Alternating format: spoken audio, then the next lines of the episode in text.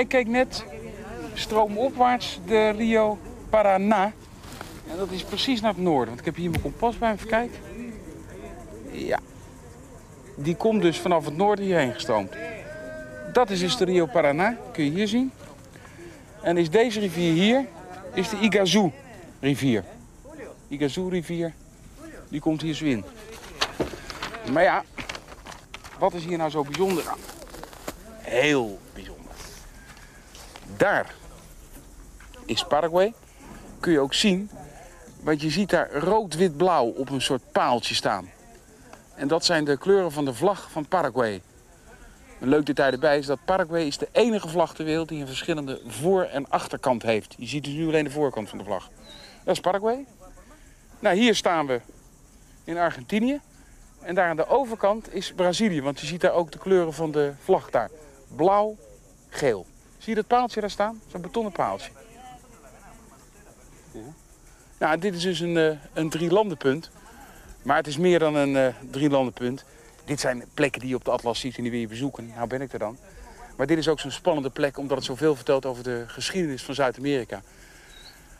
Paraguay is een eh, heel lange dictatuur geweest. Onder leiding van Strus nog bijna een halve eeuw lang. Die is nu weggetrapt. En een van zijn overblijfselen is daar een van de grootste mafioze steden ter wereld. Puerto Alfredo Strus. Dan zie je dat daar in de verte zie je wat huizen staan. Nou, daar wordt ontzettend gemeen gehandeld. Worden allemaal over een brug, die kan je nou niet zien. Gestolen auto's uit Brazilië worden erheen gebracht, krijgen nieuwe nummerborden. Kan je grote kleurtelevisie kopen. Alles kan je er kopen, maar alles is gepikt. Nou, Paraguay, dat heeft ontzettend lang gevochten met Brazilië en met Argentinië over de verdeling van het gebied. En een van de meest tragische en vergeten oorlogen uit de geschiedenis van de wereld is de Chagosoorlog geweest. En die heeft om dat gebied gewoed. De Chagosoorlog heeft eh, met tussenpozen gewoed tot 1937. En die heeft zo hevig gewoed dat op een gegeven moment was er maar 10% van de mannen van Paraguay in leven. En daarom vooral, wat ik al zeg, is deze plek zo interessant. Omdat je hier kunt zien waarom men gevochten heeft. Die, rivier veranderde ook steeds een beetje van loop. En de vaargeul veranderde ook. En dat gaf enorme conflicten, want wie het water beheerst, die beheerst de landbouw en de drinkwatervoorziening, enzovoort, enzovoort. Dus deze plek is meer dan eh, het drielandenpunt bij Vaals. Deze plek is een evenement in de wereldgeschiedenis. Het is heet en ik heb er verschrikkelijk veel last van. En de muskieten liggen op de loer. Maar dit is nou zo'n plek, ja, in de bosatlas. En nou ben ik daar. Heerlijk.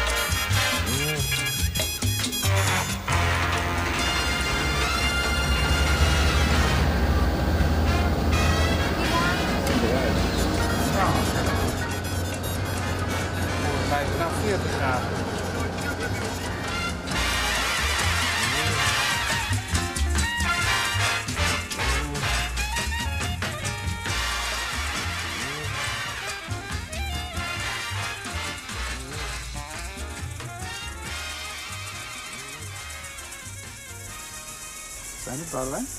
Ik ken deze niet. Ik weet wel wat voor vlinders, maar... Dit zijn echt tropische vlinders. Dit is het, eh, zeggen waar we zijn, in het, eh, het oerwoud van de Misiones. Dus het eh, noordelijkste gedeelte van Argentinië. Wat tussen de watervallen Paraguay en Brazilië ligt.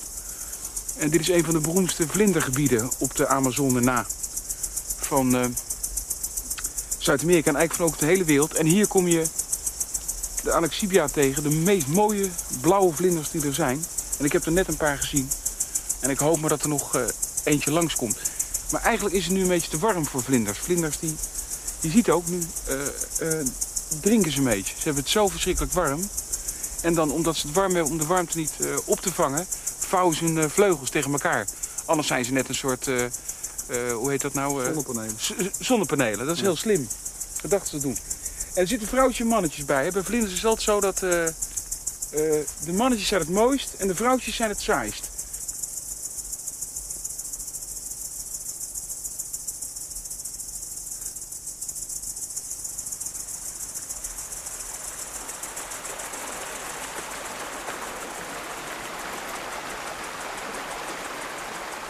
Zulke grote witte vlinders zijn daar. Sommige hebben een blauw randje, zijn helemaal wit. Met dubbele vleugels ook, zeg. Zie je dat daar? Die hangen in zijn netje.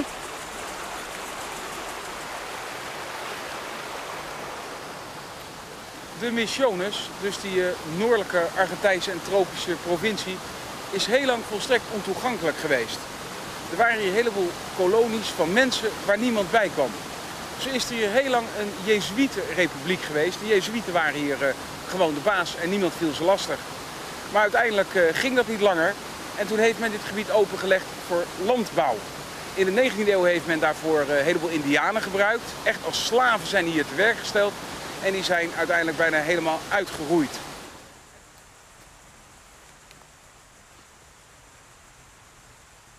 Oude woudreus, zie je hem staan?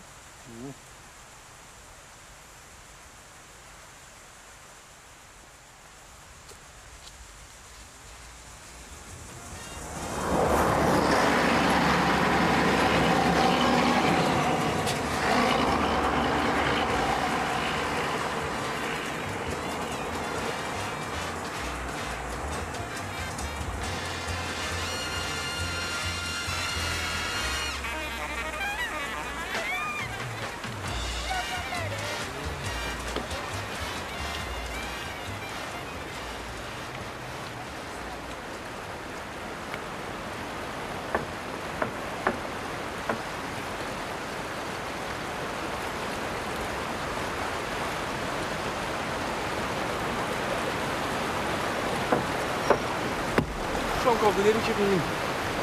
Babytje. Zou dat zijn? 90 centimeter. Dit zijn de Iguazu watervallen. En dit stuk hier heet hier de mond van de duivel. Nou waarom, eh, dat kan iedereen wel zien. Het water komt hier van alle kanten. Ben ik er weer? Ja? Het water komt hier van alle kanten aangestroomd. En in een soort duivels diabolisch gat valt het samen. Dit is niet de eerste waterval die ik zie. Maar ik geloof wel nou, de aller, allermooiste gewoon die ik ooit gezien heb. Wat een geweld.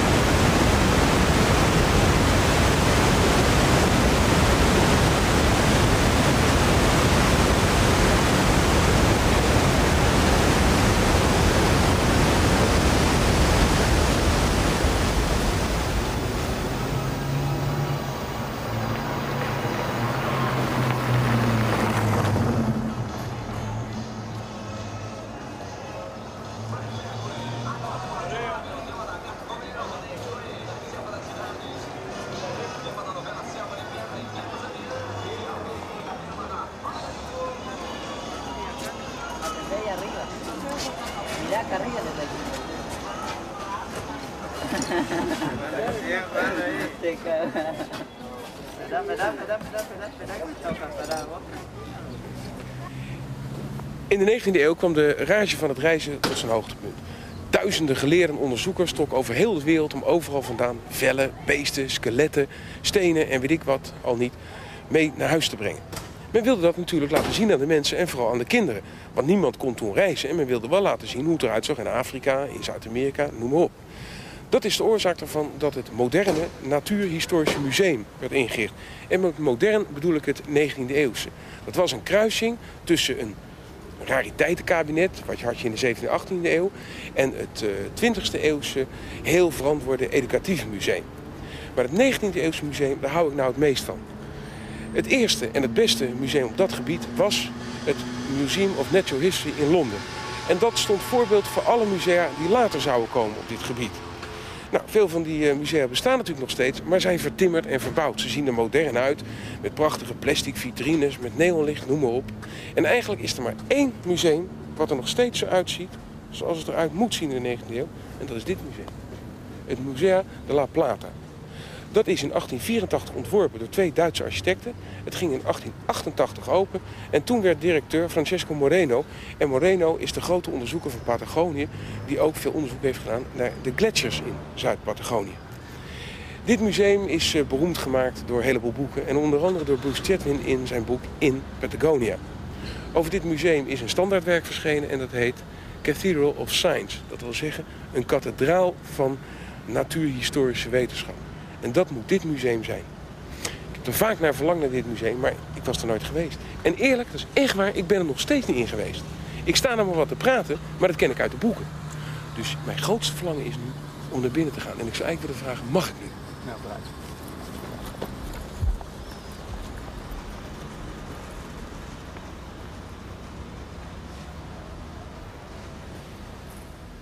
Wild kan ik worden van zo'n museum. Waarom dit museum hier staat, moet ik eerst nog even uitleggen. Het is een, het is een staatsmuseum, het is een nationaal museum. Maar dat is ontzettend gerommeld, want La Plata is, eh, was vroeger een deel van Buenos Aires en toen een deel van de hoofdstad. Dat is niet meer zo en daarom staat het toevallig nu niet meer in de hoofdstad. Het ruikt hier alleen maar naar kamfer, uh, mottenballen. Nergens uh, kan je uitleg vinden, hele kleine bordjes. Ontzettend veel plaquettes met die heeft het uitgegraven. Maar waarom niet uitgegraven, waarvoor is niet. Het glas is nog gegoten, het is een perfect museum van het museum. Zo zou ik dus thuis willen wonen. Ik poog het zo te maken. En je kan er wel al die dieren gaan bekijken en zeggen, wat is er nou de hand en hoe zit dat in de geschiedenis in elkaar. Maar het is nog ineens zo belangrijk voor mij. Dit is het museum van het museum. Dit moet je als, als museum bewaren gewoon. Nooit meer wat doen. Maar nou toch even, want we zijn hier natuurlijk niet voor niks. Waarom is dit museum zo belangrijk? Deze zalen zijn vooral zo belangrijk omdat in uh, Patagonië, daar woonden heel weinig mensen. Die hebben weinig in de aarde zitten vroeten en beesten werden er ook niet lastig gevallen. Het is er droog, het regent er weinig. Met andere woorden, oude dieren die daar in het zand bleven liggen en door de storm bedekt werden met zand, die liggen er nu nog. En zo is, zijn er ontzettend veel dieren uitgegraven die wij niet meer kennen. En die staan hier. Een heleboel van dit soort dieren die je hier kunt zien, zijn dieren uit de oertijd. En dat zijn de best bewaarde dieren ter wereld. Je hebt eigenlijk maar één soort die beter bewaard is. En dat is in de ijs in uh, Siberië. Dus wat goed is voor beesten die er bestaan. Het zand van Patagonië en de sneeuw van Siberië. En dit is het zand van Patagonië. En dit zijn reuzenmiereneters, denk ik dan maar. Of zoiets, ik weet het niet. Maar dat hoef je ook niet te weten.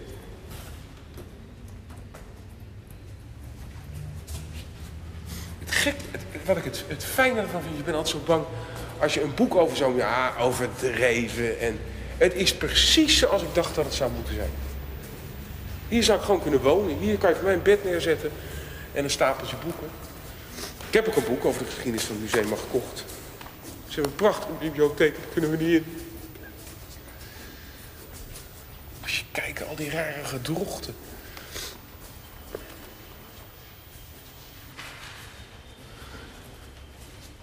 Zal even proberen uit te stellen, voordat jullie mij een lege verdienen, wat het 19e eeuwse uh, aan zo'n museum is. Je kan natuurlijk een heleboel zien, de uiterlijke dingen, maar wat heel 19e eeuws is, is beesten in volgorde neerzetten. Men maakt er ook een soort compositie nu. We maken nu artistieke of educatieve composities, maar toen maakte men composities in grote en dat de vitrine er een beetje mooi uitzag. En dat kun je hier heel mooi zien die staat zo en die staat zo. Dan kan dat er nog net tussen. En dan hebben ze allemaal, de pootjes zijn geschilderd in de kleur van de grond. En dan... Maar het is niet educatief. Als je nou zegt, nou ik wil het middelste goed bekijken, dan, dan moet je boven op die kast klimmen. En dan kan je dat pas bekijken. Het is vooral de veelheid en in de veelheid een compositie. Dan kun je, hier is ook een prachtig voorbeeld van zo'n kastje.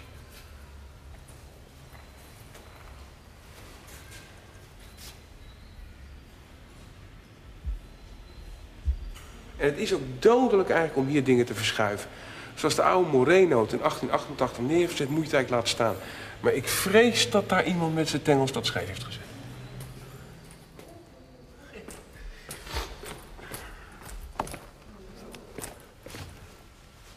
Als je klein bent, is dit museum ook heel leuk. Dat was het bijna vergeten, maar in de onderkasten staan ook allemaal beesten. Bijvoorbeeld deze twee duistere dieren, waar geen bordje bij staat. Ik weet niet wat het zijn.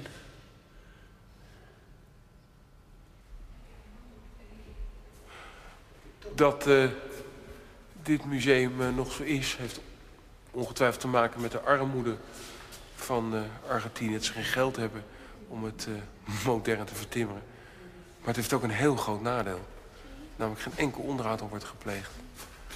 Dan moet je het plafond eens zien, dat is er in een deerniswekkende staat.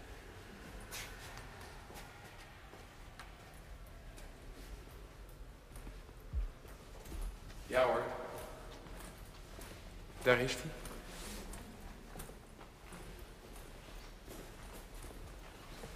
Dit is de zaal waar iedere schrijver over dit, iedere geleerde die over dit uh, museum zo lyrisch over is.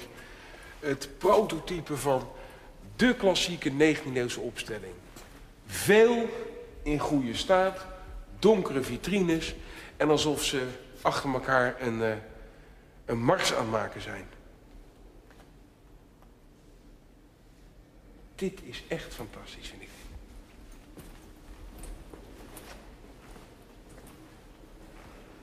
onvoorstelbare gekkigheid ook om het zo neer te zetten. Maar een goed bedoelde gekkigheid, dat is... En ook altijd de grootste voorop en dan de kleintjes achteraan. En er staat voorop ongetwijfeld de olifant. En daar hebben we hem. En dan hangen er boven nog wat vissen in.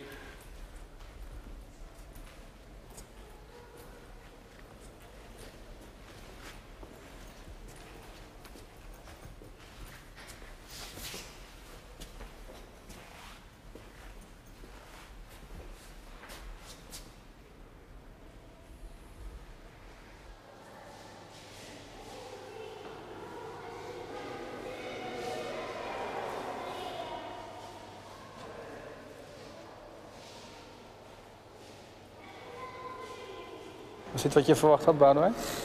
Ja, helemaal. Ik heb ook al gezegd dat, ik het, dat ik het al, een, uh, al heel lang kende, het museum van naam. En als museum ook. Maar toen uh, erover ging schrijven in Petaconi, verscheen in 77. Toen wilde ik er echt heen. En ik wilde eigenlijk alleen maar naar Argentinië om een paar dingen. Was, dit was een van de dingen waar ik heen. En het is niets minder dan gedacht. Heeft nog mijn stoutste verwachting overtroffen. Het, het is echt zo fantastisch. En je hoopt maar, en dat is heel gemeen wat ik zeg... dat de inflatie hier tot een eeuwigheid blijft doorduren. Dat ze nooit meer iets aan het museum kunnen doen. Maar het ellende is wel, we zijn door een paar zaaltjes gelopen. Bijvoorbeeld het zaaltje over de Zuidpool. En dat hebben ze verpest. Er hangen foto's in en dan uh, uh, expedities uh, met, met helikopters. Laten ze ook foto's zien. Ik wil alleen maar oude dieren met koper en ijzerdraad aan elkaar.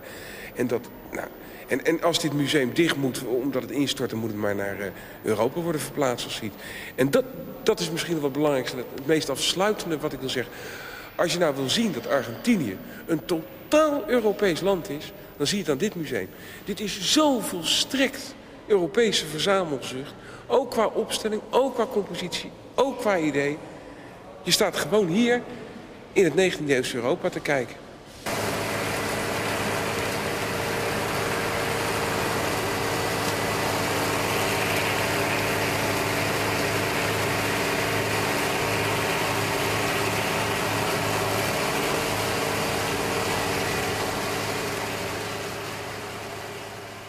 Uh, dit is uh, een plaatsje, de farm Christine heet dit.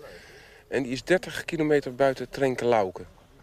En dat is weer 500 kilometer verwijderd van Buenos Aires in de Pampas. En waarom ben ik hier? Ik zal het zo kort mogelijk proberen uit te leggen. Een bevriend uitgever heeft een vriendin. En die vriendin is de zus van de man die hier deze farm beheert. Dat is Max van Touw van Zeroskerk.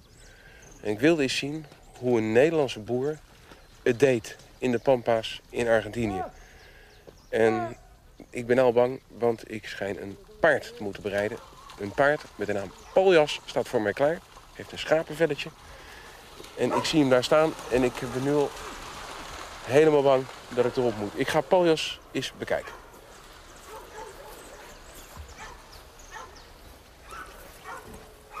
Ik ken de paljas al, want in Nederland hebben mijn vrienden dus al veel over paljas verteld.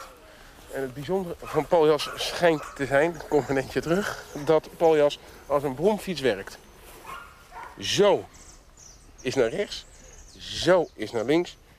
Dit met je benen zo. Ja, zo is het toch? Is een beetje harder, hè? En wat was dit?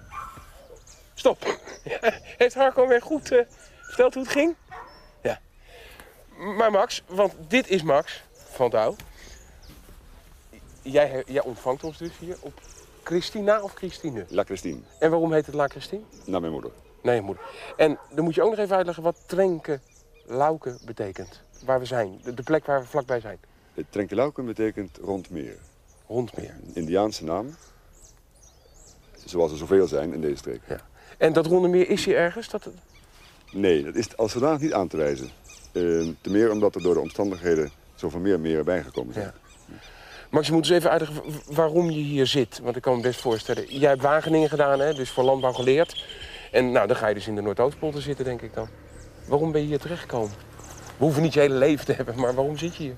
Ehm, in Wageningen was het gebruik om een stage te doen van een half jaar op het gebied van je studie. En ik ben toen uitgenodigd om, ik had toen de gelegenheid om naar Argentinië te komen. En daar heb ik bijna een jaar rondgelopen. eh, in, in ontwikkelingsprojecten en eh, bij boeren. En ik vond dat zo geweldig interessant. Dat heeft me toen meteen eigenlijk, ik ben er verliefd op geworden, op het land en op het leven. En eh, na mijn studie ben ik naar Brazilië gegaan. En heb ik toch pogingen gedaan hier weer terug te komen. En dat is in 1980 gelukt. Oh, ik ben hier zo eigenlijk betrekkelijk recent, tien jaar zit je hier tien nu. jaar. En hoe gaat het? Het gaat heel goed. Het gaat goed. Ja, ja. Maar kun je enig de omvang, hoeveel, ja, misschien slaat dat nergens maar ik denk dan altijd hoeveel kalveren en hoeveel koeien heb je en hoeveel land. Het bedrijf is 630 hectare. En daar kan ik me niks bij voorstellen. Wat is 36 hectare? 10 bij 15 kilometer? eh 2,5 bij 2,5 kilometer. Dat is groot, hè? Dat is niet groot. Nou, jij gaat ook, hè? Want jij begeleidt mij. Met wie? Met eh Rufina. Roefien. Ik spreek jou later nog. Hij bijt niet? Zij bijt niet? Nee. Nou, mijn bankje maar dan, hè? Nee, nee, kom hier. Ik zal je op een andere manier helpen. Heeft je mijn linker, je linkervoet? Eh, Of ja, doe maar in. Je, je voet erin. Ja? Dan stap maar op. ja, maar waar moet ik me dan... Oh, hij is wel opnieuw. Eén hand, hè? Eén hand. Waarom mag niet twee, eigenlijk? Omdat u dat niet kent. Oh. Breng u in de war. En nu? Nou moet ik wachten op jou. Voorwaarts maar. Oh, trekken? Teugels iets loslaten Ja. en kloppen. Met je voet.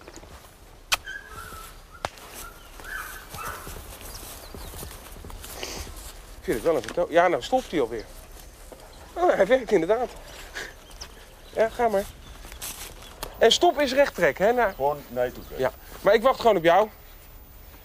Paljas. Oh, ik moet in mijn andere... Zit er geen... eh, Tweede beugel aan je ook. Ja, die kan ik niet vinden. Jezus, hij doet het direct heel snel, ja. Iets omhoog. En nu? Goed. Dan gaan we die kant op. Door Dan moet ik naar deze kant, hè? Ja, goed zo. Oh, niet te snel.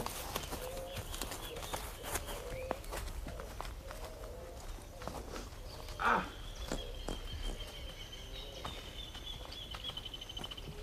Hup. Ja. Oh, oh, oh, oh, hij gaat te snel. Ik heb geen-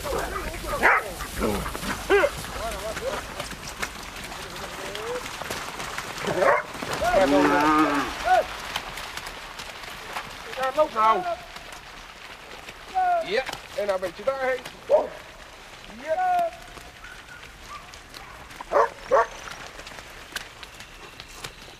Hey, hey, hey, hey. Ah, hey, hey, hey. Ah.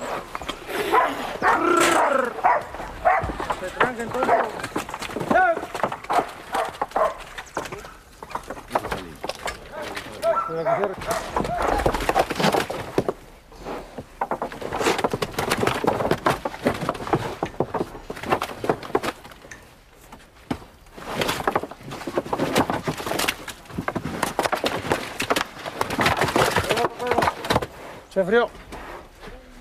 La pata fría la mejor. Sí, está negro también.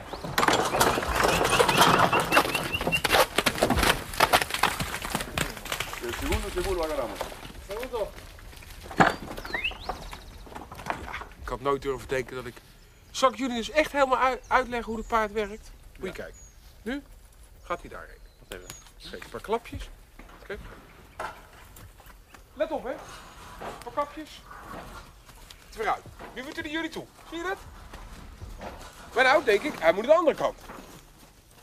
Klapjes. Zo. Is toch een wonder? Nou denk je, nou rij ik eh, frontale lens in, hè? Doet, doet Paljas niet. Paljas stil. Paljas een beetje in de lens kijken. Paljas stil. Vriend voor het leven weer.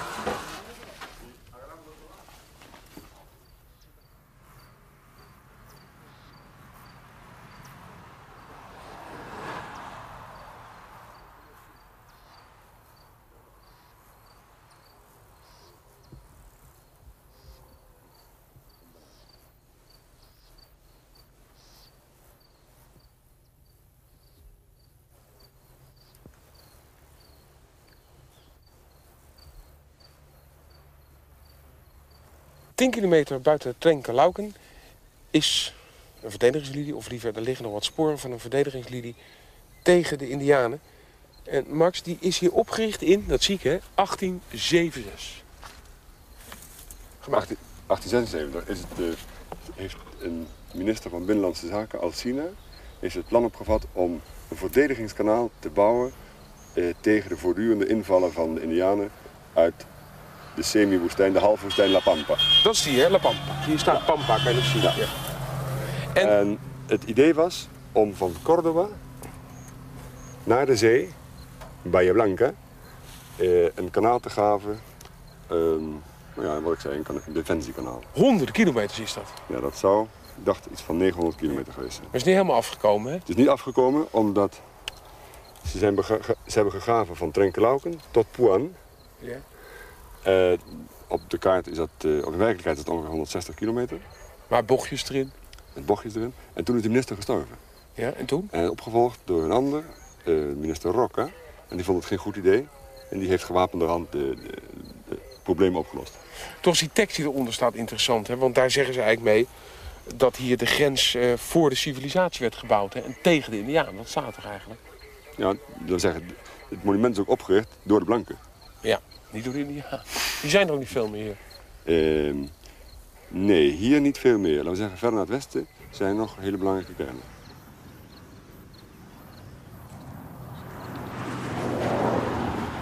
Wij met z'n allen als televisieploeg zijn één dag echt eh, dol geworden op eh, Max en zijn familie. En Max blijkbaar ook op ons, want hij heeft een, eh, een feest georganiseerd voor ons.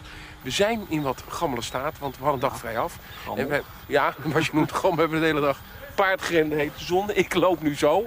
En Thomas, die een stuk groter is, die de camera dus nu op mij richt, die normaal een stuk groter, nu even kleiner zie ik, want die loopt ook helemaal zo. Er is zelfs een zanger ingehuurd en die zingt het Argentijnse levenslied voor ons. En verder is er een lam dat wordt geroosterd, en worsten en een heleboel mensen met wie we bijna niet kunnen praten. Dit is dus een echte Argentijnse